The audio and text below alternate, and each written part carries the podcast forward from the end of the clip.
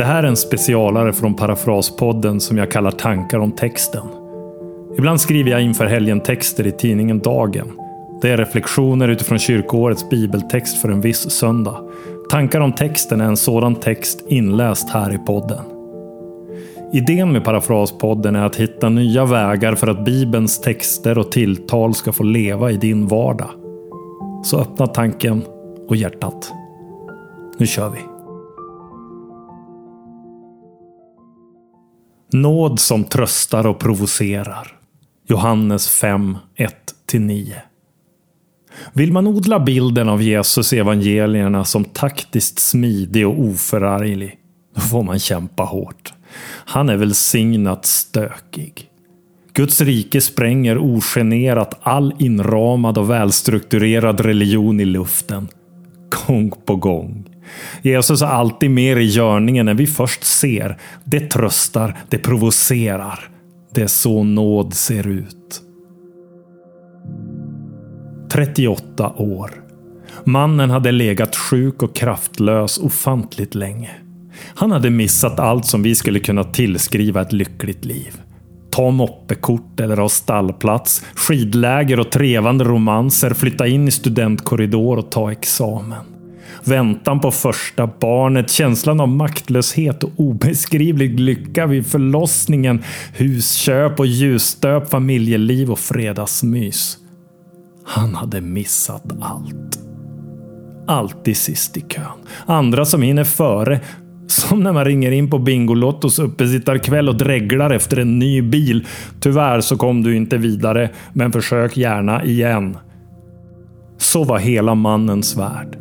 Det var alltid någon i vägen. Någon snabbare, smartare, lyckligare eller mer privilegierad. Ett livsöde med beröringspunkter i ditt och mitt. Då och då startar Jesus jordbävningar.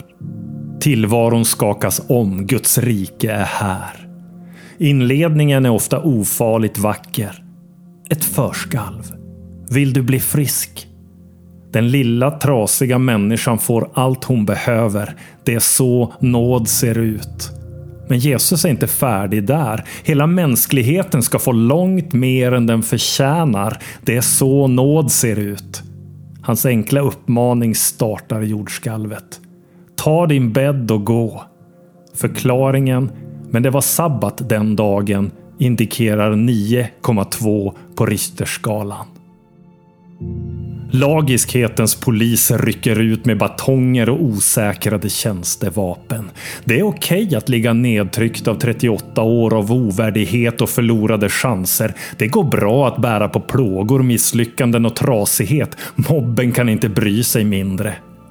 Men går någon runt och bär på sitt liggunderlag på sabbaten när inget arbete får göras, då är måttet rågat. Guds nåd drar undan mattan för de lagiska paragrafryttarna, rullar ihop den och stoppar den under armen på en bortglömd förlorare som legat övergiven i 38 år av ingenting. Kartan ritas om. Gemenskapen med Gud är en oförtjänt gåva. Guds rike och närvaro är inte resultatet av svettiga prestationer, efterlevda lagar och förbud. Marken skakar och klipporna mullrar. På ena sidan om Jesus står en förvånad man med ett liggunderlag under armen och på andra sidan en uppviglad religiös elit. Jesus konstaterar min fader verkar fortfarande så det gör jag också. Efterskalven pågår än idag. Jesus som fortfarande verkar, som är välsignat stökig. Det tröstar. Det provocerar. Det är så nåd ser ut.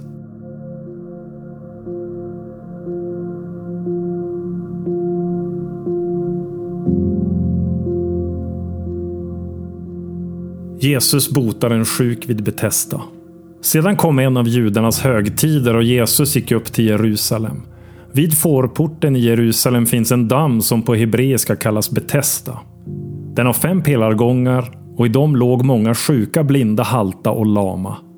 Där fanns en man som hade varit sjuk i 38 år.